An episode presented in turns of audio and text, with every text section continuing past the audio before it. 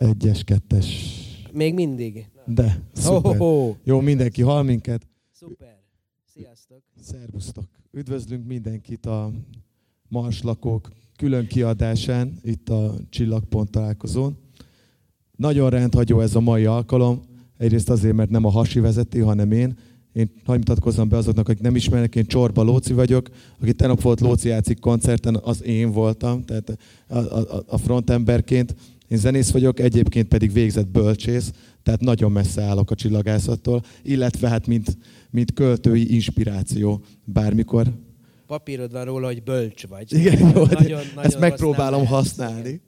Másik oldalról pedig azért is rendhagyó, mert most nem az átriumban van, az átrium színházban szokott lenni, és körülbelül két havonta ö, történik. Ebben már két adás lement, ez a harmadik, és lesz még kettő.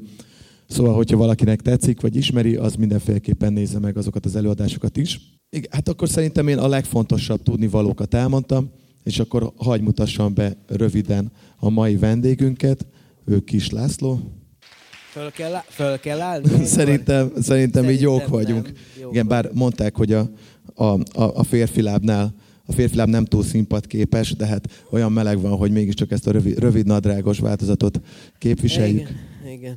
És ö, igazából hát én csak annyit mondanék, a, az, amikor megjelenik a tévében, akkor általában mit szoktak kiírni a Kis László alá? Kis László csillagász. Ugye van nekem egy rendes, becsületes intézmény nevem, ami még körülbelül 8 napig úgy hangzik, hogy Magyar Tudományos Akadémia Csillagászati és Földtudományi Kutatóközpont Konkolitege Miklós Csillagászati Intézet, de ezt Igen, még soha jó. nem sikerült. Ezt még, tehát mire az ember a végére ér, az elejét elfelejtik, és az újságíró népség az meg eleve rövidebb agyú valahogy. Már elnézést az újságíróktól, akik itt vannak.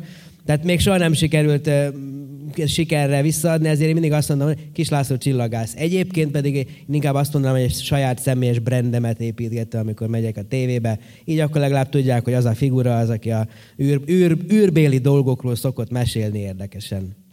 Azt mondod, hogy ez még nyolc napig lesz a hosszabb címed? Hát igen, mert hogy aztán augusztus 1 mindegy, hát kormányzat éppen szétszed minket, de ez most szerintem nem tartozik Ez ide. nem, nem, nem a nem föltétlen tartozik ide. Tehát. Igen, nézzük, és próbáljuk meg inkább így a, a, a, a tudós is volt ember kategórián elindulva egy kicsit néhány személyes kérdéssel kezdeni, hogy hogy kell téged elképzelni gyerekként. Mesélj. Hát, egy légy szíves ö, autizmusra enyhén hajazó számőrült könyv moly, körülbelül ezt kell elképzelni, ö, aki nem nagyon volt szociális lény. Ennek egyébként van empirikus nyoma is. Pár évvel ezelőtt, én horgoson nőttem föl, aki nem tudja. Tehát úgy kell elképzelni, hogy egy falusi általános iskolába járó, a, fo, fo, a falusi könyvtárat ától cettig kiolvasó kis magányos hős, aki hát mindig is a számok bűveletében élt, meg a mit tudom én mi, és a nagyjából tíz éves koromban beleszerettem a csillagos égbe. Ennek a inspirálója egy könyv volt, amit édesapám vett még az én születésem környékén édesanyámnak a házassági évfordulójukra. Ez Fred Hoyle, amerikai csillagásznak a Csillagászat című könyve volt. A Zágrábi Mladost kiadó ékes horvát nyelven kiadott könyve, amiből egy kumma szót nem értettem már elnézést a szakkifejezésért, de a képek nagyon szépek voltak benne. Tehát lapozgattam, és akkor Hold, Jupiter, Saturnus gyűrűk, csillagködök, akármik, és akkor ezt így ben, ben, belém ült a vágy, hogy én ezeket szeretném megnézni. Tehát így kell elképzelni Lacikát, lapozgatja a könyvet, olvasgatja csillagászati és egyéb természettudomány ismeretterjesztő irodalmat, amit a 80-as években el lehetett érni egy vajdasági eh, magyar könyvtárban. Időnként Szegedre átlátogattam, minden évben Budapestre eljutottam, hiszen ugye Közép-Európában minden, vagy mondjuk Kárpát-medencében mindenkinek vannak pesti rokonai.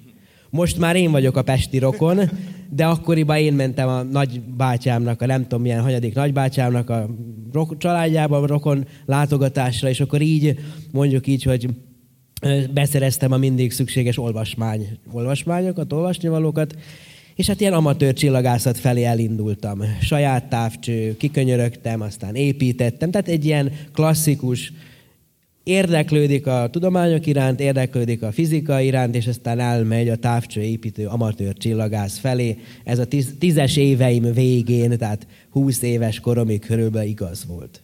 Tehát akkor a, a természettudományos érdeklődés szűkült rá a csillagászatra. Hát én azt gondoltam egyébként még gimi, ugye én Szabadkára jártam gimnáziumba, 87 91-ig, ugye a balkáni háborúk kitörésének évében érettségiztem a Szabadkai, Szabadkai akkor még Svetozár Márkovics gimnáziumba, és akkor én még azt gondoltam, hogy majd valami matematikus vagy fizikus, valami ilyesmi népség leszek, és akkor a csillagászat az a hobbim lesz. De aztán Szegedre kerültem 91-be, ugye akkor éppen elindultak a balkáni, mondjuk így véres összecsapások, és hát abban az évben fölvette a József Attila Tudományegyetem a fizikus szakra, a Szegedre, és 91. augusztusában tulajdonképpen választás elé állított az élet. Lacika megy fizikát tanulni Szegedre az egyetemre, vagy megy a szerb-horvát frontra harcolni a polgárháborúban. Nehéz Ez nem volt egy nehéz választás, elárulom. Tehát Szegedre mentem természetesen, a fene akar belekerülni akármilyen polgárháborúba, meg akármilyen háborúba. De mindegy, szóval a lényeg, ami lényeg, hogy hát fizika, fizikus szakon kezdtem, a lézerfizika vonzott egyébként Szegedre, Hát ugye a csillagok háborúját mindenki szereti. Tehát a Luke Skywalker ott legyőzi Darth Vader-t, meg a repülnek a X-fighterek, meg a nem tudom micsoda, és akkor a lézer, ugye? Na most én lézerfizikus akartam lenni, de aztán Szegeden összevetett, összehozott a sors egy csillagásszal, Szatmári Károlyjal, aki aztán végül is egyetemi diploma munka témavezetőm volt, tudományos diákkori témavezetőm volt, tehát mondhatjuk azt, hogy a szakmai apám lett, tehát ő volt, aki a doktori cselekményemet is témavezetőként végigvitte, és hát így aztán már teljesen el, el reménytelenül elcsillagászosodtam a 90-es évek közepén, egy olyan jó 25 évvel ezelőtt. Azóta ugyan a végzettségem fizikus, tehát Szegeden akkor még nem volt csillagászképzés, de fizikus végzettséggel, csillagászattal foglalkozó, mondjuk úgy, hogy asztrofizikussá váltam. Nem esettem, vagy más szempontból romlottam. Igen, hát ez kérdés, ugye, hogy kik, kik milyen, hogy ki tekintenek érték, a többire. Ki mit, ki mit értékel, igen.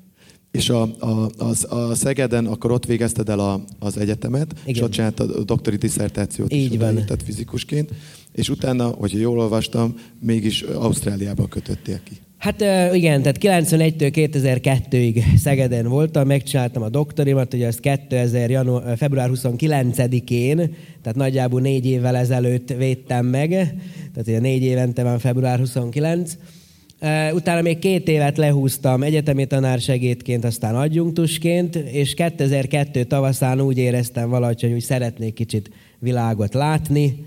Akkor is téma volt az, hogy a fiatal magyarok elmennek külföldre, ez mindig is téma, ez 500 évvel ezelőtt is téma volt, tehát e, semmi új nincs Mátyás a nap... király is folyton erről panaszkodik. Így van, sem, semmi új nincs a nap alatt, és hát 2002-ben egy ilyen váratlan pillanatomban, mondjuk így mondhatnánk azt is, hogy elmezavart állapotban föllapoztam az amerikai csillagászati társaságnak a Job Register honlapját, tehát a álláshirdető honlapját, és volt egy olyan posztdoktori, tehát doktori cselekmény utáni kutatói ösztöndíj a Sydney Egyetemen, Ausztráliában, ami annyira, annyira az én szakértelmemről szólt, hogy éppen csak az nem volt odaírva, hogy és a jelölt család neve legyen KISZ, ugye a csók.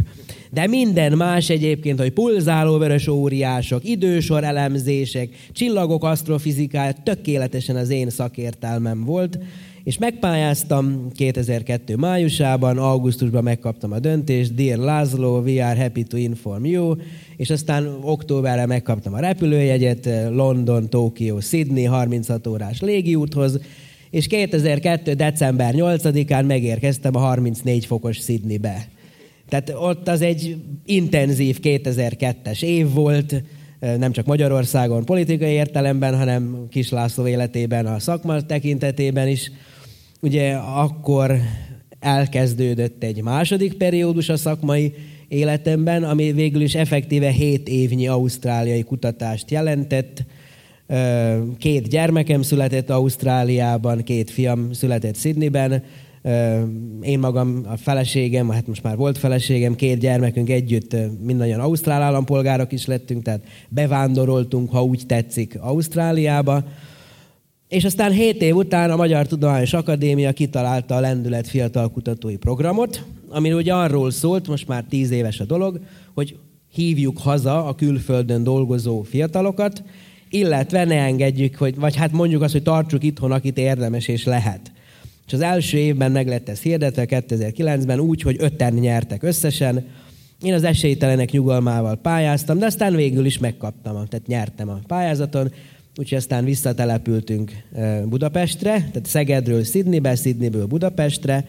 És azért elmondom, na mielőtt bárki belekérdezne, vagy már, tehát, tehát Sydneyben 7 év után is még azért elmondom, hogy jó, igen, tudok angolul, folyékonyan tudok beszélni, írni, olvasni, felsőfokú nyelvvizsgám van, 98%-os eredményet csináltam meg, mert mit tudom én, de egyszerűen a, a, a helyiekkel szerintem egy olyan 15-20 év együttélés kell ahhoz, hogy tényleg ugyan igazán anyanyelvi szinten tudjál beszélgetni. És aztán hazajöttem, Budaörsön vettünk egy házat, és három nap után otthonosabban éreztem magam Budapesten, pedig soha nem éltem korábban Budapesten, de otthonosabban éreztem magam a Magyarország fővárosában, mint Sydneyben. Pedig hét évig nagyon jó életünk volt odakint.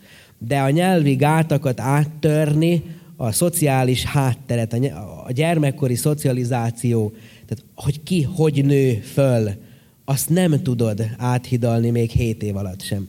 Úgyhogy igazából nem bántam meg, hogy hazajöttünk tíz évvel ezelőtt, és azóta Budapesten eh, vagyok az akadémiának az egyik csillagásza. És tudósként nagyon más volt Ausztráliában, mint Magyarországon? Mert az ember úgy képzeli el, hogy akkor tudod, itt régi 386-osok vannak, ott pedig a szuper Pentiumok ah, izzanak. Lópikulát ugyan már, ugyanazt a számítógépet használtam kint, mint ott. Tehát semmi különbség, effektív különbség nem volt. Ami különbség az az, tehát, hogy mondjam, én a legelőször külföldre kutatóként, doktoranduszként 96-ba kerültem, akkor Torontóban jártam, kékibolyát láttam, el akart hervadni, meg akart locsolni, mindegy fordítva, valahogy így. Tehát itt Torontóban, Kanadában találkoztam először hosszasabban külföldi tudósokkal, aztán rákövetkező évben Új-Mexikóban egy konferencián voltam, ott megint egy viszonylag hosszabb időt, és én arra jöttem rá, és ez volt egy ilyen reveláció, egy ilyen megvilágosulás, hogy mi itt Kelet-Európában valójában nem vagyunk semmivel se rosszabbak, butábbak vagy tudatlanabbak, pusztán csak szegényebbek. Ez egy nagyon nagy szemkinyitó fölismerés volt 23 évvel ezelőtt Torontóban. A kanadai csillagászat, ami a világ egyik legjobb csillagászata, semmivel nem áll okosabb emberekből, mint mi. Csak nekik angol az anyanyelvük, ezért az angol nyelvű publikálás szakfolyamatokban olyan, mint nekem megírni egy véleménycikket az index.hu-ra a gravitációs hullámok felfedezésének jelentőségéről. Tehát semmi, semmi gondot nem okoz.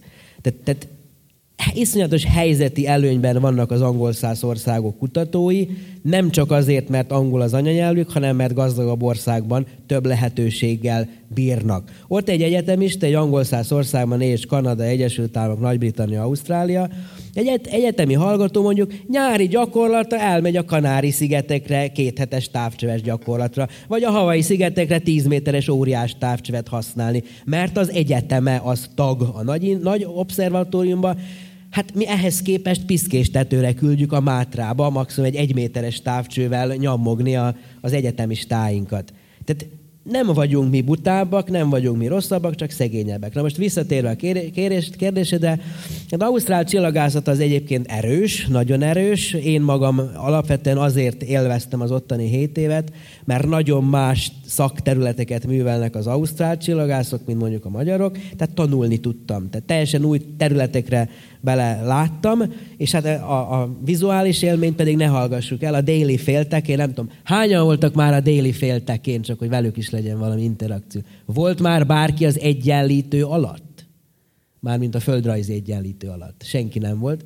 Mindenkinek javaslom, a déli féltekéről a csillagos ég egész más, mint északról. Ausztrália egy nagyon sötét kontinens, nem azért, mert barátságtalan, hanem mert ténylegesen Európa méretű országban élnek vagy 25 millióan, és hát az is a 25-ből 18 az öt nagyvárosba, közte pedig a nagy üresség. Tehát lényeg, ami lényeg, hogy a déli égbolt eleve más, más csillagképek látszanak, a tejútrendszer közepe ott megy át a fejünk fölött, és sötét égről fantasztikus élmény. Tehát ilyen értelemben az ausztráliai megfigyelő csillagász tevékenység az már így a vizuális orgia szintjét is eléri az északi féltekeihez képest. Ez nagyon izgalmas, ez szinte így megelvenedett a szemem előtt, hogy ezt, ezt biztos meg kell nézni, és ahogy az egyik interjúban mondtad is, hogy azért jó a, a csillagászokkal, azért lehet elég könnyen azonosulni, mert maga az ég, az éjszakai égbolt csillagokkal, az szép. Tehát, hogy már ott, ott van egy ilyen esztétikai funkció, amit betölt, és akkor ezek szerint nálad is ez volt az első, ami megfogott. És Igen, nem az, hogy én- mindenféleképpen gravitációs Én ezért hullám. mondom azt, amikor meg szokták kérdezni, hogy mihez értek, hát én tulajdonképpen nem nagyon értek semmihez, én a megfigyelő csillagászat eszközeivel csinálok asztrofizikát. Tehát engem az motivál, hogy bármit vizsgálok, legyen az egy csillagrobbanás másfél milliárd fényév távolságba, vagy egy 500 fényre elő csillag és körülötte keringő exobolygó, az motivál, hogy ha nagyon akarom, akkor meg tudom én is nézni. Tehát ha, ha a szemünk helyén egy ilyen kis szokol rádiók lennének, akkor valószínűleg rádiócsillagász lennék, mert akkor a rádió hullámokat érzékelve ö, csinálnánk a dolgokat. Ha denevér lennék, akkor én lennék a Batman, tehát Batman László lennék. Tehát ha denevér lennék, akkor ugye hangokkal hallanám a dolgot, akkor valószínűleg nem csillagász lennék, hanem hangtanász. De így ez a vizuális élmény, ugye mi nekünk, így hétköznapi humán lényeknek, akik itt a teremben is vannak, az alapvető információ forrásunk, a kevés sajnálatos kivételtől eltekintve a látásunk. Tehát minden, amit tudunk a világról, annak a 90%-a a látással jön. És az, hogy én meg tudom ezt nézni, ez, ez engemet egy plusz lelkesedésre bír akkor, amikor mondjuk rutin munkákat kell hónapokon keresztül ismételten, monoton módon megismételve, hát eljutni egy valamilyen eredményig sok-sok zsákutcát ö, megjárva közbe. Tehát kell valami, ami lelkesíti az embert, és esetemben a vizuális élmény lehetősége ez. Akkor ez a monotonság, ez része a csillagász szakmának? Aj, persze, hát persze, persze, perse. Ugye vannak sztereotípiák tudósokkal kapcsolatban. Ugye az egyik sztereotípia az, hogy a tudósok azok alapvetően érthetetlenül motyorásznak a elefántcsont tornyunkba visszavonulva, és ők úgy még csak azt se lehet tudni, mi a fenével foglalkoznak. A másik, másik ilyen klasszikus sztereotípia, a csillagászok, azok valamilyen ilyen furcsa öreg figurák, hosszú szakállal, fekete csúcsos süveggel, a vállukon egy macska, és akkor úgy kimennek az ég alá, és ellesik az égból titkait. Ez egy nagyon-nagyon klasszikus sztereotípia. Elárulom, ez az asztrológusokra vonatkozik, akik a csillagjósok, semmi közöm hozzájuk. Na a lényeg, ami lényeg, hogy nem. A valódi csillag, a csillagász kutató az a számítógép előtt ül. És ahhoz, hogy valaki ma csillagászatot műveljen, tudnia kell angolul, matematikául, fizikául és számítástechnikául. Nem kell mindegyiket nagyon-nagyon mélyen, de mindegyikhez kell egy picikét. Tehát mi nagyon sokszor ténylegesen adatokat masszírozunk számítógéppel, így próbáljuk összehozni az értelmezést, úgy próbáljuk összehozni, és lehet, hogy mondjuk egy hétig vagyok egy távcsőnél, és aztán másfél évig dolgozok azokon az adatokon, még kijön az egy hétnyi távcső használatból mondjuk nyolc szám, amely nyolc szám azt mutatja, hogy nincsen sehol mondjuk sötét anyag, gömbhalmaz nevű csillaghalmazokban. Ez egy válasz, ami másfél év munka után jött ki annak idején jó tíz évvel ezelőtt. És ez mind számítógép előtti, nem szabad itt csúnya szavakat mondanom, de hát számítógép előtti ülő gumókockásításból állt az idő legnagyobb részében. Egy, ezzel a, a sötét anyag gömbhalmaz dologgal egy kicsit az ismeretlen szó counterem az kiverte a maximumot, szóval így Igen, volt azért, azért, is, azért is vontam vissza azonnal a mélyebb, mélyebb, mélyebb exobolygó is, részleteket. vörös óriás, tehát ezek még, még úgy talál valahonnan, de akkor, akkor próbáljuk meg ezt egy kicsit közelebb, az én bölcsész agyamhoz is közelebb hozni. A, a doktori diszertációdnak az a címe, hogy pulzáló változó csillagok fizikai paraméterének meghatározásáról. Igen, ez egy rendkívül unalmas cím. Igen. De, de akár költő is lehet, hiszen ez ilyen Janus Pannonison a lovakról, vagy ilyen Széchenyiként tudod, hogy mi, miről, miről igen, szól. igen, lehetne. Tehát, Megpróbálod ezt egy... gyermekkoromban, tehát szakmai gyermekkoromban, ugye úgy lehet egyébként a szakmát így, ha családilag nézzük, ugye amikor az- a kutatónak a belépés a tudományba az a doktori fokozat. Tehát egy egyetemi diplomával semmit nem lehet csinálni a tudományban, még azt sem, amire gondolnál, mert nagyon kemény papírra van nyomtatva, és nem lehet arra használni, mint egy finomabb, puha papír dolgot. Tehát az egyetemi oklevél az semmire se jó. A belépő a tudományba a doktori oklevél, annak egyébként van puha papíros változata is, de azt sem arra használod. Na lényeg, ami lényeg, hogy a, a, a szakaszok az életedbe, tehát a gyermekké akkor válsz, amikor megcsinálod a doktorit. Akkor válsz szülővé, amikor már neked is lesz egy doktori hallgatód, aki megcsinálja az ő doktoriát. És akkor leszel szakmai nagyapa, amikor a egykori doktoranduszodnak is lesz egy doktorandusza. És akkor ne kezdjük el azt, mélyen, azt mélyebben elemezgetni, hogy nekem volt egy olyan doktoranduszom, tehát doktori gyermekem, akivel közösen témavezettem, kivel az én volt témavezetőmmel. Tehát a doktori apámmal volt egy doktori gyerekünk. Úgyhogy az neki volt a doktori unokája. De tovább megyek, volt egy példánk, amikor az én doktori unokám, az én doktori gyermekemnek a gyermeke volt, de hárman téma vezettük, és a mi kezdeti doktori, az én doktori apám volt a harmadik témavezető. Tehát apa, nagyapa, meg unoka, vagy apa, nagyapa és gyerek csinált egy unokát. Tehát a tudomá, tudósok azok perverz népek. Az, az orvosi patchwork család De modell egyik klasszikus. Ez egy klasszikus, igen. De a lényeg, ami lényeg, hogy tehát én az gyermekkoromban, amikor a doktori értekezésemet csináltam, akkor meg kellett azt mutatnom, hogy képes vagyok új csillagászati megértés elérésére. Ne nevezzük nagyképűen fölfedezésre, de mondjuk azt, hogy kutató munka eredményét képes vagyok demonstrálni. Ehhez gyermekkoromban csillagokat vizsgáltam, olyan csillagokat, amelyek változtatják a fényességüket. Kitágulnak, összehúzódnak, kitágulnak, összehúzódnak, mint a tüdő a fazékból, ami kidagad, ha lélegzel. Tehát pont így.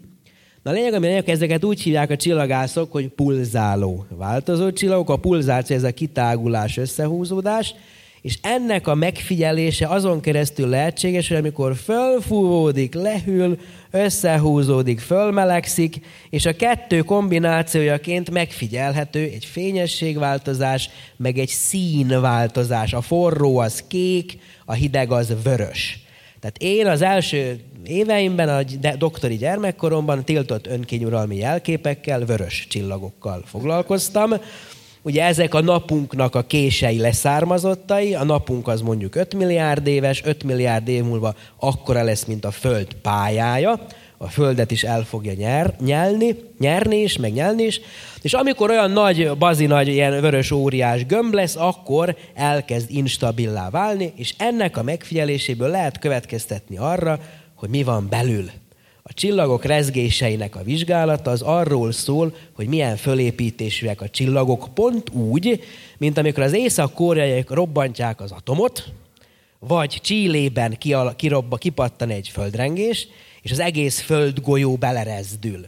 És a földrengés hullámok vizsgálatával lehet, igen, hallom, hogy ordibálok nagyon, lehalkítottak, ugye a, a földrengés hullámok vizsgálatával ki lehet az deríteni, hogy mi van a föld belsejében. Ugyanezt meg lehet csinálni a csillagokra, és akkor úgy hívják, hogy asztroszeizmológia, és én ezzel foglalkoztam a, a doktori disszertációmban. Ettől több részlet szerintem nem kell. Sőt, de ez, ott, már ez is sok nem, volt. Nem, nem, én tökre átláttam, csak ott leragadtam, hogy miért a kék a, a forró és a piros a hideg. Hát gondolj az izzó vasdarabra. Tehát elkezded izzítani, mély vörösen izzik, utána még tovább izzítod, egyre melegebb, egyre fehéresebb, világító, és aztán elfolyik. Wow. Tehát meg, meg, megoldod. De ennek van egy fizikában egy, úgy hívják, hogy abszolút fekete test sugárzás.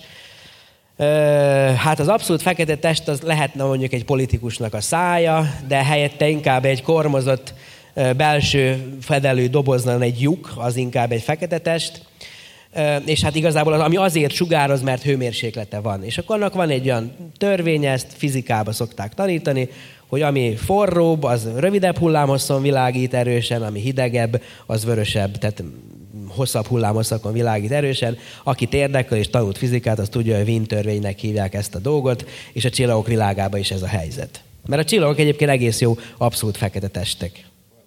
Pedig világítanak ne Ugye? zavarj össze. Ne menjünk, ne zavarjalak össze, nem zavarlak össze. Szóval ezzel foglalkoztam a kezdetben. És ennek a mostani munkádhoz van köze, vagy persze, persze, persze, persze, persze, tehát a, hogy mondjam, tehát ez nem olyan, mint a elhagyott szerető. Tehát, hogy pár évig jó vele, aztán meg elfelejtjük, és soha többet rá se nézünk. Nem, mi vissza-visszatérünk. Tehát nekem van olyan csillagom, ez 20 év óta úgy vissza-vissza látogatok. Tehát inkább azt mondanám, mint amikor a hajós kapitány bejárja a világot, és minden kikötőbe vannak leszármazottai. Úgy én is időnként ezzel foglalkozok, időnként azzal. Tehát én magam egyébként azt gondolom, hogy a tudomány művelése az két alapvető tehát ugye kétféle módon lehet a tudományt művelni. Ugye a Lovász László akadémiai elnöktől hallottam egyszer azt a viccet, hogy háromféle ember van. Van, aki tud számolni, meg van, aki nem. Na, mindegy. Tehát kétféle módon lehet, valaki megértette. Nem vettem magamra, igen. Igen. Tehát hogy kétféle módon lehet tudományt művelni. Képzeljük el, hogy a tudomány az egy ilyen szép nagy kert, egy arborétum, az ember bemegy, és akkor ő ott egy kertész. És akkor vagy az, két, az egyik lehetősége, hogy kiválaszt magának egy ilyen zsebkendőnyi területet, és azt elkezdi nagyon-nagyon mélyen beásni, és megnézni, hogy mi van alatta, mi van mélyebben, mi van mélyebben, és még, még, még jobban a dolgok mélyére hatni.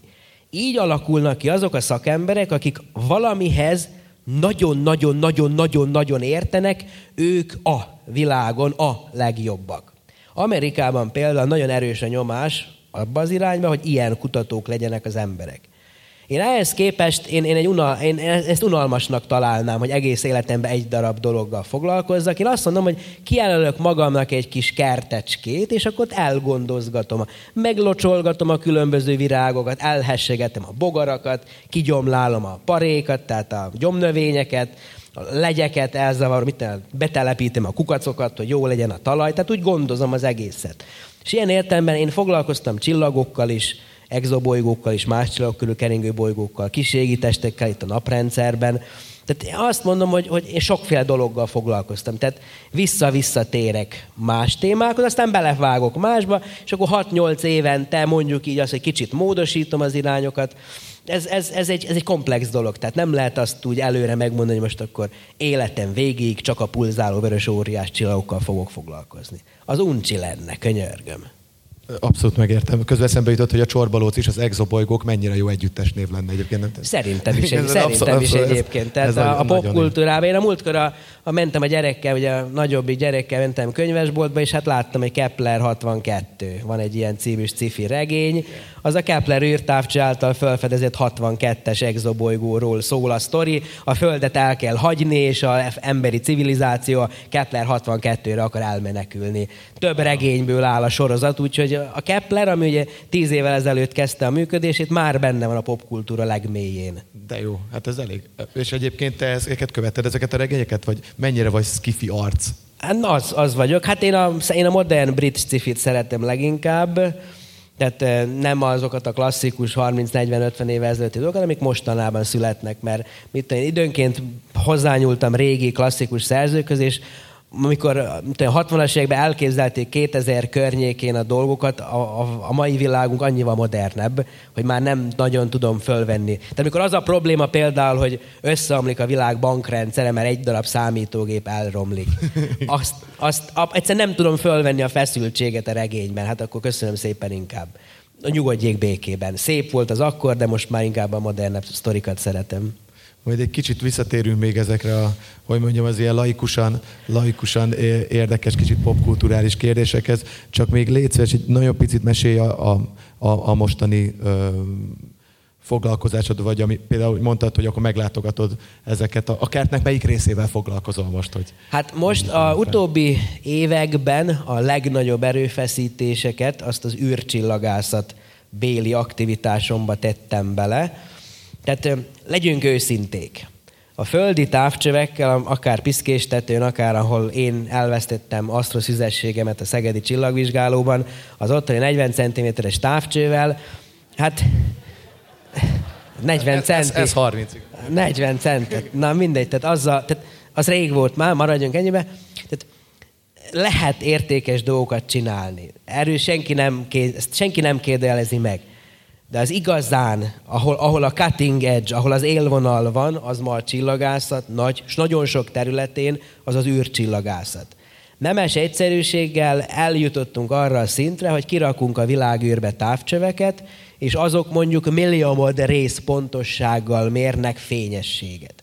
Én, amikor elvesztettem azt, amit mondtam, akkor százalék pontossággal voltam képes fényességet mérni a Föld felszínt. Tehát, ha valami csillag megváltoztatta egy százaléknyit a fényességét, akkor már örültem, mint majom a farkának, és akkor már írtam a cikket belőle.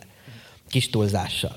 Ma pedig olyan effektusokat mérünk, ahol a század százalék az effektusnak a mértéke. Tehát például ha az a lámpa ott egy nap lenne, te pedig egy földméretű bolygó, és időnként elvonulnál a lámpa elő, előtt, akkor a te fejed által kitakart csillagkorong az egy század százaléknyi lenne. Tehát ha te egy földméretű exobolygó lennél, és az a lámpa... Eddig el tudom képzelni. Az a lámpa egy napméretű csillag lenne, akkor te minden évben egy század százaléknyit lecsökkentenéd a csillag fényét.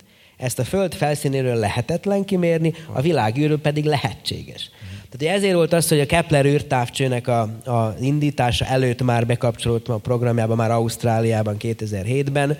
2009-től 2018-ig aktívan használtam, használtuk a Kepler űrtávcsőt, ami egy 600 millió dolláros NASA űrtávcső, most már csak volt, mert tavaly abba hagyta a működést és most pedig az elmúlt 6-7 évben meginduló módon európai exobolygós űrtávcsövek programjainak a kidolgozásában vettem részt. A legközelebbi esemény az idén szeptember 15 és október 14 között lesz valamikor három nap, amikor elutazok Francia Guajanába, Dél-Amerikába, és megnézem a Keops űrtávcső elindítását, és remélhetőleg nem ott fogunk sírni 150-en, hogy fölrobbant a rakéta az indító állomáson, vagy az indulás után, hanem 150-en fogjuk hajnalig mulatni az időt, hogy igen, elindult az űrtávcső, amin 2012 óta dolgoztunk sokan.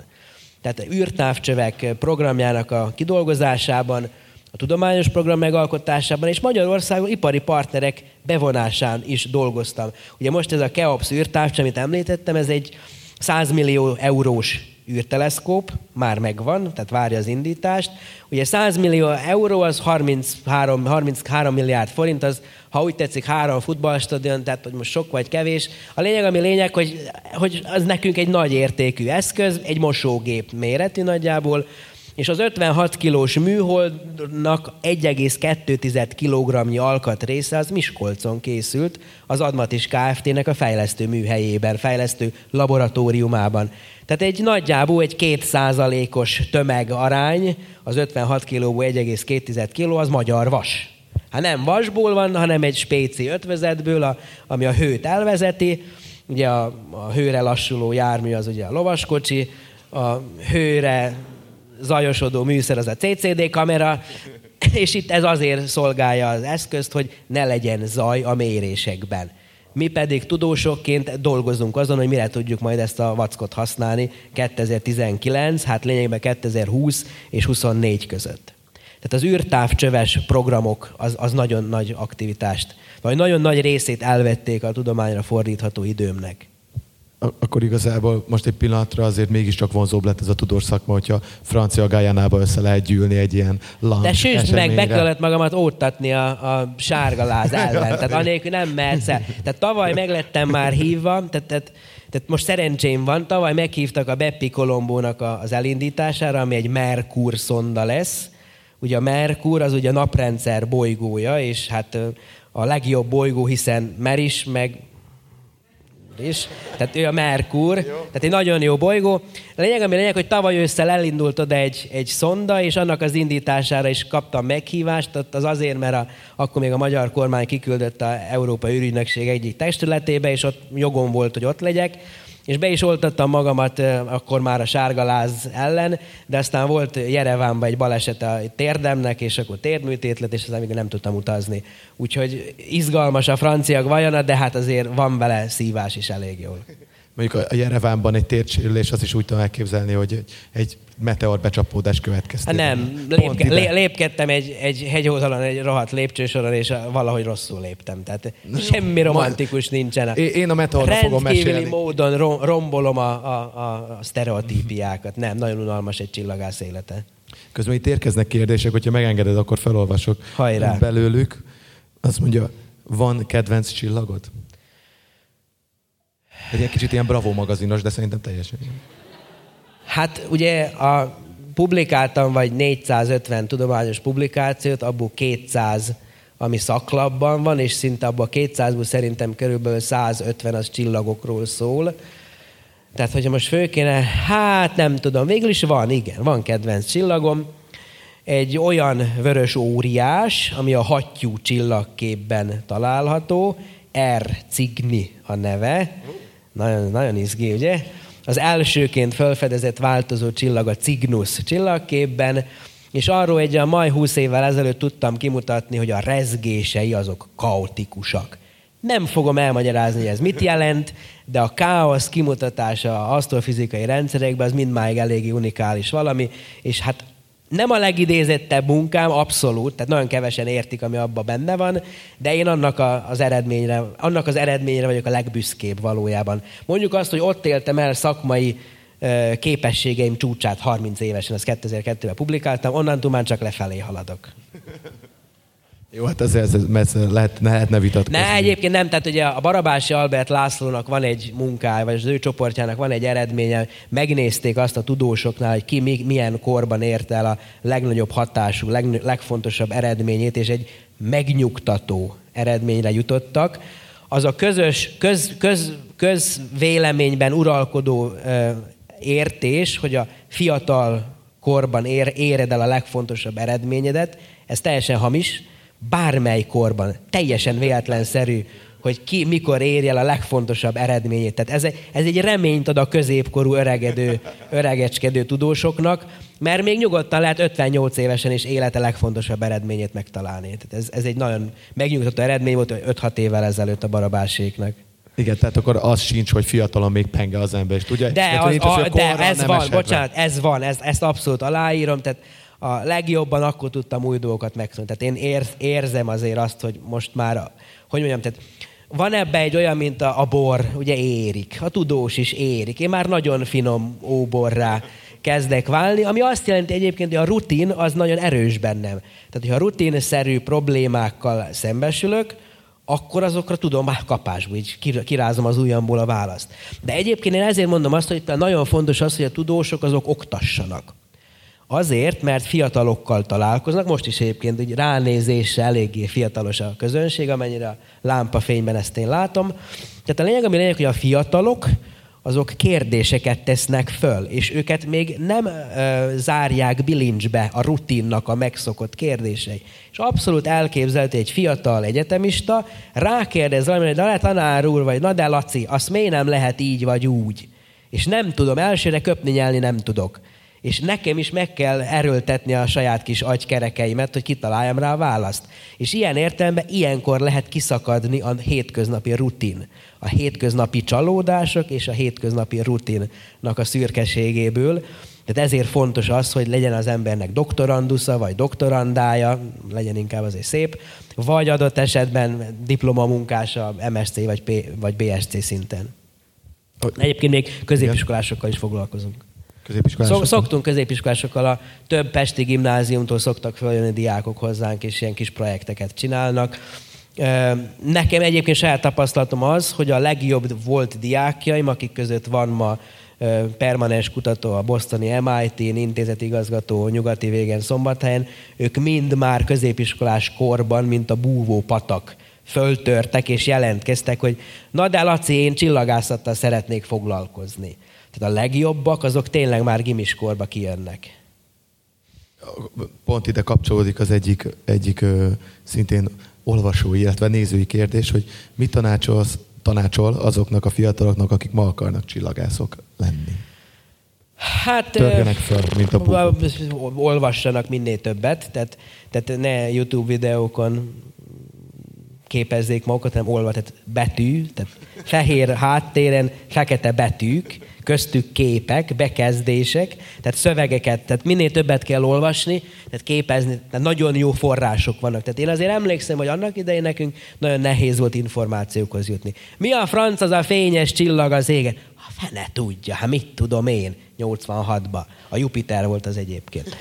De most meg ugye bárkinek a telefonján ott van az applikáció, és akkor mutatja a csillagképeket, bolygót, akár, tehát sokkal könnyebb hozzájutni az információhoz, de hát képezzék magukat, részt kell venni eseményeken, Ugye most mit tudom én, a csillagászati és asztrofizikai diákolimpia az középiskolásoknak szervezett, minden évben megszervezett nemzetközi verseny. Idén most jövő héten kezdődik Magyarországon, Keszthelyen és Hévizen. Jövőre is meg lesz szervezve, jövőre egyébként Kolumbiába lesz. Tehát aki egy jó kolumbiai field tripre akar menni, ott jó az anyag, jó az ég, tehát kolumbiai csillagászati olimpiára majd valamikor ősszel lesz meghirdetve a kiválasztó verseny sorozat. Tehát például ilyen diák versenyeken érdemes részt venni, meg a legközelebbi bemutató csillagvizsgálóba érdemes ellátogatni, és akkor ott adott esetben megbarátkozni a csillagoséggel és a hazai közönség, közösséggel, szakmai közösséggel, amatőr csillagászokkal, szakcsillagászokkal. Tehát keresni a kapcsolatokat, leginkább ezt tudom javasolni. Nekem feltették ugye ezt a kérdést tegnap, hogy zenészként vagy fiatal pályákező zenészként, és kicsit ugye, ugyanez ugyanez a tanács. Tehát te, te, te valami eseményen részt kell venni. Tehát lehetek én otthon a világ legnagyobb tudósa is, ha nincs interakcióm, nincs kölcsönhatásom másokkal, más diákokkal, más tanárokkal, kutatóhelyekkel, akkor, hát, akkor igen, soha senki nem fog felismerni. Tehát ki kell menni, ki kell lépni. Tehát nekem is ezért volt furcsa, ugye annak idején ugye kezdtem ezzel félig viccesen, hogy ilyen autizmusba hajlóan számmániás voltam, és antiszociális, tehát tényleg, tehát nagyon antiszociális voltam gyerekként. Aztán ebből ki kellett törnöm valahogyan, muszáj volt. És nekem az egyik életemet definiáló alapélmény, és jó is, hogy most egy ilyen eseményen vagyunk, az életemet alapvetően módosító élmény volt 1990 nyarán, akkor a Bakonyban, a Ráktanya nevű helyszínen megszervezett amatőr csillagász tábor, ahol 200 amatőr csillagász 6 és 66 vagy 7 és 77 év közötti korban mindenféle ember. Nem akartam elmenni, de a nagybátyám, a pesti rokon befizetett. Figyelj, Laci, neked ide el kell menned, tök jó lesz. Ne, nem akarok, dolgoznom. Tehát kerestem a kibúvókat, de aztán végül is elmentem, és, és, és egy világ dőlt össze bennem jó értelemben, mert jép, basszus. Tehát másokat is érdekel ez az egész. És hasonszőrűek között voltam életemben először két héten keresztül. Egy olyan hihetetlenül felszabadító érzés volt, hogy nem én vagyok a furcsa hülye gnóm, hanem hát igen, egy viszonylag kis létszámú, de mégiscsak populációnak vagyok a tagja. És hát igen, tehát, tehát ez, ez egy felszabadító érzés volt, hasonszőrűek között létezés. És itt mondjuk ez a, ez a fesztivál, amit most zajlik Debrecenben, én szeretném hinni azt, hogy vannak itt is a közönségben olyanok, akik itt élik meg azt, hogy hú, de jó együtt lenni egy közösségben. Tehát nekem a amatőr csillagászat ez ezt adta. Tehát ilyen értelemben a közösség részének lenni, eseményekben részt venni, ez a legfontosabb. Köszönjük ezt a történetet, mert ez itt tényleg abszolút rímel szerintem itt a közösségépítő részére ennek a fesztiválnak. Um, itt jött szintén kérdésként, és uh, azt igazából én is felírtam, hogyha már Marslakók a címe ennek a sorozatnak, akkor na, mi a helyzet a Földön kívüliekkel? Ez, ez van, vagy nincs, vagy jönnek már, vagy maradnak? Hát azok ott az hülyeség, az a, az, a, az, a, Kösz. az, az UFO. Tehát igen, tehát a Ugye 90-es években én még el is mentem egy UFO kongresszusra, tehát inkognitóban, a Budapest, persze, Budapesti Pataki téri művelődési házban, akkor volt egy UFO kongresszus, én elmentem. Tehát tényleg hát érdekelt, hogy mi ez a hülyeség. Tehát teljesen pártatlanul, na nézzük meg, mit mondanak. És az agyam ott dobta le a láncot, amikor egy idős bácsika, tényleg Isten nyugosztalja, valószínűleg már rég nem él, azt mondta, hogy hát ő Egyiptomba akart elmenni a Keops piramisnál az ufókkal találkozni, de aztán a Malév lemondta az egyiptomi járatokat az egyenlítőn dúló hóviharok miatt. Na most ez így nagyon megmaradt bennem. Tehát, tehát, tehát, tehát, tehát, tehát innentől kezdve nem tudtam, mit, nem tudtam komolyan venni azokat az állításokat, amiket mondtak. És ha megnézed, amit tudom én, Google Trenddel, meg lehet nézni a UFO fotók időbeli számát, meg a cukicicás fotók időbeli számát az interneten. Az UFO fotók már nagyon sok éve teljesen konstans stagnálás, a cukicicák azok e- exponenciálisan mennek fölfelé. Tehát a helyzet az, hogy most már, amikor digitális szenzorokkal be van az egész világ, mindenki zsebébe ott van a über jó szuper fotóeszköz az okos telefon. Tehát nekem is a telefonom olyan képeket tud már csinálni, hogy hát már tíz éve nincsen saját fényképezőgépem, mert a telefonommal fényképezek. És mégsem jön a bizonyíték. Tehát, tehát az ufózás abban a formában, ahogy a popkultúrában mondjuk így a 90-es években nagyon népszerű volt, akkoriban egy négy UFO magazin is volt a újságos standokon, most szerintem egy vagy kettőre lecsökkent a száma, az, az, az nem igazolódott be. Tehát van ez a rész, ez az ufózás. A másik dolog a földön kívüli életnek a lehetősége. Erre, meg, erre viszont én azt mondom, hogy a csillagászatnak ma az egyik vezér gondolata, vagy vezér kérdése, fő kérdése, hogy egyedül vagyunk-e az univerzumban. Van-e élet máshol, hol vannak élet számára alkalmas helyek. És akkor itt veszem elő azt a hasonlatot, ránézek én is az órámra, itt veszem elő azt a hasonlatot, amit, vagy azt a képet, amit kiszoktam röviden fejteni, hogy igazából azt gondolni, hogy itt van egyedül a Földön élet, és máshol nem lehetne, az lényegében a geocentrikus világkép utóvéd harcainak egyik állomása. És ami most zajlik már 400 éve a modern, egyre modernebb csillagászat által, azt én úgy szoktam összefoglaló néven ha, hívni, hogy a geocentrikus világkép trónfosztása. Ugye emlékeztetnék rá, hogy mi a geocentrikus világkép. A geocentrikus világkép azt mondja, hogy mindenségnek a közepe a Föld, minden körülöttünk kering. Ugye ezt Kopernikus, Kepler, Galilei, Tycho Brahe a 16. század és 17. század elejének nagy csillagászai megmutatták, hogy téves, mert hogy valójában a nap körül kering a Föld, és innentől kezdve beszélünk heliocentrikus világképről, hogy a Földünk az a nap körül kering, és mindennek a közepe a nap. Érdekes módon egészen 1917-ig a csillagászok sem tudtak attól a képtől szabadulni, hogy oké, okay, nem a Föld van a közepén, de a mi napunk, az valahogy biztos mégis a mindenségnek a közepén van. Ugye a mi napunkat tartalmazó nagyobb rendszert úgy hívjuk, hogy tejútrendszer. A tejútrendszer az egy nagyjából 100 milliárd csillagnak az otthona, egy hatalmas csillagváros, és egészen 1917-ig, amikor egy Shepley nevű amerikai csillagász megmutatta azt, hogy a tejútrendszernek semmi köze, a nap tejútrendszerbeli helyzetének semmi köze nincs a közepéhez. Mi egy teljesen átlagos, normál törpe csillag vagyunk a rendszer peremén messze-messze, 30-50 ezer, hát 30, ma már tudjuk a pontos számot, 30 ezer fényév távolságban vagyunk a nagy rendszer közepétől, azóta tudjuk, hogy az is igazából a geocentrikus világképnek volt a, az utóvét harc, hogy jó, oké, nem a Föld van a középen, de a nap az biztos különleges. Az elmúlt húsz évben pedig a csillagászok megmutatták azt, hogy oké, okay, jó, akkor nap mégse különleges, de hát a naprendszer az biztos nagyon különleges valami. Mert hogy egészen 1995-ig csak a mi napunk körül ismertünk bolygókat. 24 éve történt az első fölfedezés, ma 2019-ben már több mint 4000 bolygót ismerünk más csillagok körül és közöttük vannak teljesen olyanok, mint a mi naprendszerünk, meg vannak nagyon-nagyon különböző bolygórendszerek, mint amilyen a mi naprendszerünk. Tehát már ki lehet azt jelenteni, hogy az az elképzelés 94-ben, vagy 95 elején, hogy oké, okay, de mi még mindig különlegesek vagyunk, mert csak itt vannak bolygók, ez is a geocentrikus világkép része volt.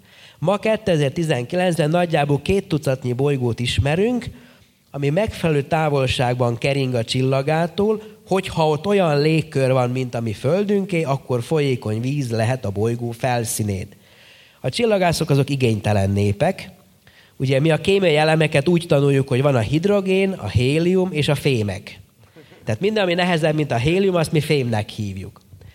Minden olyan bolygó, aminek a felszínén lehet folyékony víz, mi azt lakható bolygónak hívjuk. Semmi nem garantálja, hogy ott van élet, de mi azt mondjuk, hogy hát jobb híján, hát igénytelen népekként azt mondjuk, hogy ha a felszínen lehet folyékony víz, akkor az lehet akár olyan is, mint a mi földünk, és a víz pedig ugye a biokémiai reakciók az egy nagyon fontos közeg, egy oldószer, ott tudnak sejték kialakulni, akkor ott lehet akár élet is. Tehát ma már több mint két tucatnyi lakható bolygót ismerünk. Nem tudjuk, hogy van-e élet a felszínükön, de jöjjünk vissza 15 év múlva, és akkor már lesz válaszom erre is. Mert a 2020-as években megépülő szuper űrtávcsövek, illetve földi óriás teleszkópoknak az egyik fő célja azt megvizsgálni, hogy mi van ezen bolygók felszínén. Vannak-e óriási dzsungelek, mint az amazonasi őserdő, ezt meg lehet mutatni távolból is, távérzékeléssel. De a Földön kívüli élet a csillagászok számára is fontos kérdés. Most már ott tartunk, hogy rá tudunk mutatni konkrét csillagokra, hogy igen, itt akár lehet is. Hogy van-e, azt nem tudjuk, de azon dolgozunk, hogy ezt is megtudjuk a következő 10-20 évben. És ez a fiataloknak egyébként egy, egy pozitív üzenet. Figyelj, haver vagy haverica, ha akarsz nálunk dolgozni, tudunk mi munkát adni még 15 év múlva is, mert akkor ezek lesznek az aktuálisan kurrens kérdések. Ez, ez egészen meglepő számomra, tényleg ez annyira ez, ez ilyen reményt keltő. Ez egy modern, ez, egy, ez a legmodernebb része a csillagászati kutatásnak, ez az exobolygó kutatás és az élet keresése csillagászati módszerekkel. Más módszerekkel is lehet, akár a pszichiátriai módszerekkel is lehet keresgélni, hát ott van, a, ott repül az UFO. Ugye én magam is voltam tévéműsorban vendég, kettő vendég egyikeként, ahol a másik vendég a második vagy első perc második felében már azzal kezdte, hogy őt elvitték az ufók, és, és nem tudom mi, és, és ő csak a kör közepén állt. Én pedig inkább hallgattam, vagy hát próbáltam menteni a menthetőt. Mégis Miskolcon készül az avas, ugye? Mégis Miskolcon, így van, igen. És egyszer egy szép napon igen. a várost elhagyom. Fog hagyni, így. Van, a Marsnagok sorozatban mindig vannak felkért kérdezőink, egy lelkész és egy hallgató is. Először szeretném akkor a, a lelkész kolléginát szólítani, Görgei Etelkát, hogy tegye föl a kérdését, és egy tapsral köszöntsük a kérdezőt. Szóval annyira sok mindent szerettem volna kérdezni, de mivel én vagyok a lelkész kérdező, ezért valószínűleg valamilyen teológiai vonulatot is mert engem érdekelne például, hogy milyen messziről lehetne itt Lóci fejét megvizsgálni, hogy van-e rajta lakható élet, vagy ilyesmi. Tehát ez is nagyon izgalmas lenne, hogy hány fél év, fényév távolságból lehet most nem arra gondoltam, de az is nagyon izgalmas lenne, hogy, hogy, hogy csillagászati távcsövekkel a tetvek vizsgálata, de nem ez, hanem arra gondoltam, hogy hát teológusként is van egy csomó dolog, ami engem szokott idegesíteni, például sci regényekben, vagy egyéb regényekben, vagy popművekben, popkulturális művekben, hogy miket gondolnak a vallásról. Én egy csillagászt megkérdeznék, hogy mi az, ami egy csillagászt idegesít, amikor a csillagászatról beszélnek regényekben, mondjuk egy, egy, egy sci-fiben mik a legidegesítőbb csillagászati ö, témák? Vagy baklövések, vagy félreértések? Megmondom őszintén, hogy én ilyen szemmel nem szoktam nézni a dolgokat. Tehát én még, az, én még azon se akadok ki, hogy az űrba, űrhajóknak hangja van a világűrben, ahol nincs, nincs semmiféle közeg. Tehát ó, így mennek az űrhajók, amikor kanyarodnak különösképpen. Engem még az se zavar, de amikor valami igényesen van megcsinálva, és például a 2001 űrödüsszeának az egyik nagy erősség, amellett, hogy a utolsó zárójelet rendkívül unalmas már mai fiatalok szemével, de az, hogy például ténylegesen vannak, tehát az űrben nincs hang, azt nagyon jó visszaadja. Tehát én nem azt mondanám, hogy mi az, ami idegesít, hanem mi az, amit értékelek pozitív dologként, amikor, mert én bele tudom, bele tudom magamat élni a leghülyébb történetbe is. Tehát engem ami legjobban idegesít, ha nem jó a történet. Tehát ha jó a történet, akkor mit bánom én, hogy most akkor rosszul írják a csillagnevét, vagy, vagy elírják a nem tudom. Hát néha az ember főfigyel ilyenre, de, de nem ez a lényeg, mert ugye a sci is valójában emberi történeteket próbál megfogalmazni egy másik színpadon, mondjuk egy másik csillagrendszerbe, vagy akármi. Tehát a, a hülye történet idegesít legjobban. A csillagászati pontatlanságok fölött el tudok siklani. Én beleélem magamat bármibe. Köszönöm szépen. És akkor a hallgató kérdezőnket szeretném a színpadra szólítani, aki nem más, mint Irinyi Tünde. Azt is szeretném megköszönni, hogy ennyire egyszerű témánál talajon maradtunk, mi is érthetettük, mi laikusok, és a kérdésem is így laikus szemmel feltett kérdés lesz.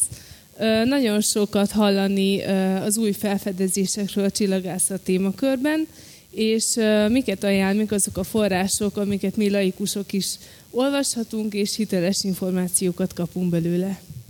Hát itt most haza beszélek, mert én már 2006. januárja, tehát nem is akarom kiszámolni, hogy tíznél több éve főszerkesztője vagyok a csillagászat.hu nevű honlapnak, ami hát nem egy nagy aktivitású, hetente olyan 5-7 cikkünk jelenik meg, de azt kimondottan az, azért hoztuk létre 2005 során, mint önálló csillagászati hírportált, mert elegünk lett abból, hogy állandóan írogattuk a javításokat a, a, a mainstream médiának. Tehát egyszerűen tele lett a hócipőnk, most legyünk nagyon őszinték, tele lett a hócipőnk, már megint mi az a hülyeség, amit az Index megírt.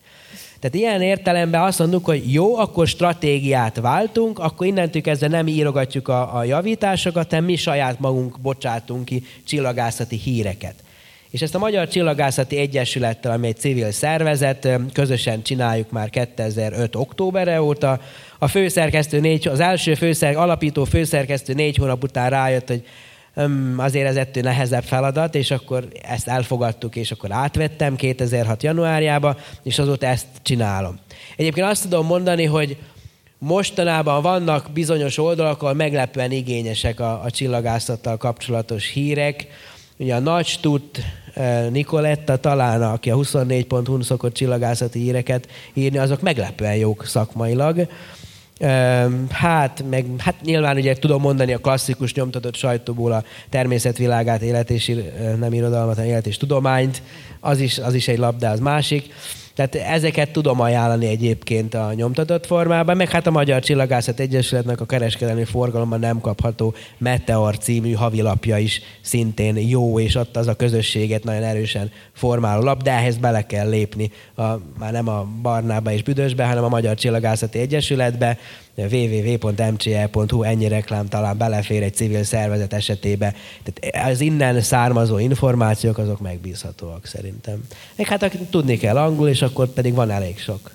De az meg már nem az én reszortom most reklámozni. Nagyon szépen köszönöm. Szívesen. Köszönjük mi is. Nem sokára az időnk végéhez érünk, de aki most kapott ettől kedvet a kérdezéshez, az továbbra is megírhatja a RefCO Messenger oldalnak, és akkor azt továbbítjuk. Addig én felteszek egy várakozó kérdést, hogyha érkezik, akkor azt pedig tolmácsolom, akkor az, az én személyes kérdésemet fogom feltenni, hogy van ez az Elon Musk, hogy, hogy ő egy, ő egy, egy, egy, egy zsenitudós, vagy egy, egy, vagy egy figura. Ő egy figura, ő, ő egy egyértelmű figura. Uh, ugye ő vele, ő róla beszélgettem két ízben is Baló Györgyel, aki ugye tavaly évvégén távozott, és hát, vagy elhunyt, meghalt. Isten nyugosztalja, bárhol is van most. A legutolsó műsora, ami egyáltalán volt, ez a Magyarul Balóval sorozatban, az velem volt, és a űrkutatás jövőjéről beszélgettünk, ez tavaly decemberben. Ott is előkerült Elon Musknak a témája. Hát Elon Musk egy, egy érdekes arc. Ha nő lenne, akkor mondanám, hogy arcica, de nem nő, tehát arc ugye egy gazdag ember, aki a magán gazdagságával, a magán gazdaságát kívánja az űr felé, meg egyéb modern technikákkal hát bővíteni. Ő neki most van egy, amikor a Mars utazást, ugye pár, két vagy három évvel ezelőtt volt az, hogy bejelentette, hogy akkor ő marsi telep, marsi kolóniákat akar megfinanszíroztatni, a saját cégével. Ugye neki a SpaceX a fő terméke jelenleg, ugye az amerikaiak is, hogyha már pályára akarnak állítani valamit a föld körül, akkor a SpaceX-nak a rakétáival csinálják ezt, ugye a Falcon, mit tudom én, X vagy Falcon, mi a franc az ő neve. Na a lényeg, ami lényeg, hogy a Elon Musk ugye megkérdette ezt a marsi kolonizációt, amire hát tulajdonképpen mindenki a szakmába itthon legalábbis fogta a hasát, hogy ha-ha-ha, én is. Tehát nagyon, nagyon lesajnálkozó, nagyon lesajnáló véleményeketnek adtunk hangot, én magam is. Aztán két évvel ezelőtt, 17 nyarán itt járt nálam vendégként két napra, nem Elon Musk, nem kell megijedni. Az, MI, az MIT professzor, a George Ricker nevű figura, aki a TESS űrtávcsőnek a vezető kutatója, és egy volt diákomnak a főnöke Bostonban. És a George Ricker a feleségével itt járt Budapesten, volt a Balatonon is, körbejárták az országot, és egy vendégül láttam egy halászcsárdában Budapesten, és akkor egy munkával ebéden beszélgettünk. És akkor kérdeztem tőle, hogy figyelj George, ez a, amikor mondta azt, hogy ő, ugye az ő tesz űrtávcsövét is a, a Falconnal vitte fel a SpaceX. Tehát, tehát ő rendszeresen, és mesélt, hogy ő jár a kaliforniai központ, Elon Musk űrcégének a kaliforniai központjában, mert hogy ő tőlük rendelt szolgáltatás. És kérdeztem, hogy figyelj George, mennyire kell ezt komolyan venni, hogy a, a Muskék tényleg a Marsra akarnak menni. És elmondta teljesen komoly és hihető forrásként, és én ezt adom most tovább, ilyen relatíve exkluzív információként, bár már két éves, hogy abszolút vegyük komolyan. Tehát ott, Kaliforniában, az egy nagyon dinamikusan fejlődő, bővülő cég, és a fiatalok, akik mind azért mennek oda, hogy a marsutazást csinálják meg, ezért lelkesednek, és tényleg ez a cél. És már meg is van az, hogy mi lesz rá a finanszírozás. Meg, megvan a, a, a, a, tehát ki van ez találva. Ugye azt mondta ez a George, ugye, aki üzleti partnerként rendszeresen beszélget magával Muszkal is, hogy az alapgondolat az az, hogy még meg kell csinálni a műholdas globális internet szolgáltatást, akkor ez egy 10 milliárd dollár, dolláros piac a becslések szerint. Ugye 10 milliárd, azt még kimondani is sok. Ha ő, ő nyilván a Musk ezt nem akarja egy, egy, egy személybe uralni, de ha mondjuk egy 10%-os partner lesz, tíz, nem, ezer, bocsánat, ezer milliárd dollár. Lehet, hogy tíz, ezer milliárd, nagyon sok. 10%-os partner, ha 10%-os piaci részesedést el tud érni, akkor lesz neki 100 milliárd dollárja, annak a harmadából már kijön a 30 milliárd dollárra becsült Mars expedíciós költség. Tehát amikor most idén tavasszal volt ez, hogy föllőtték az első kísérleti műhold hálózatot, hogy behálózni az egész világot globális internet szolgáltatással, ugye ezen dolgozik a Facebook is, dolgozik a Google is, dolgoznak egyéb nagy nemzetközi cégek is, aki ezt tényleg piacképes termékként elő tudja állítani, az nagyon gazdag lesz. Az bazigazdag lesz.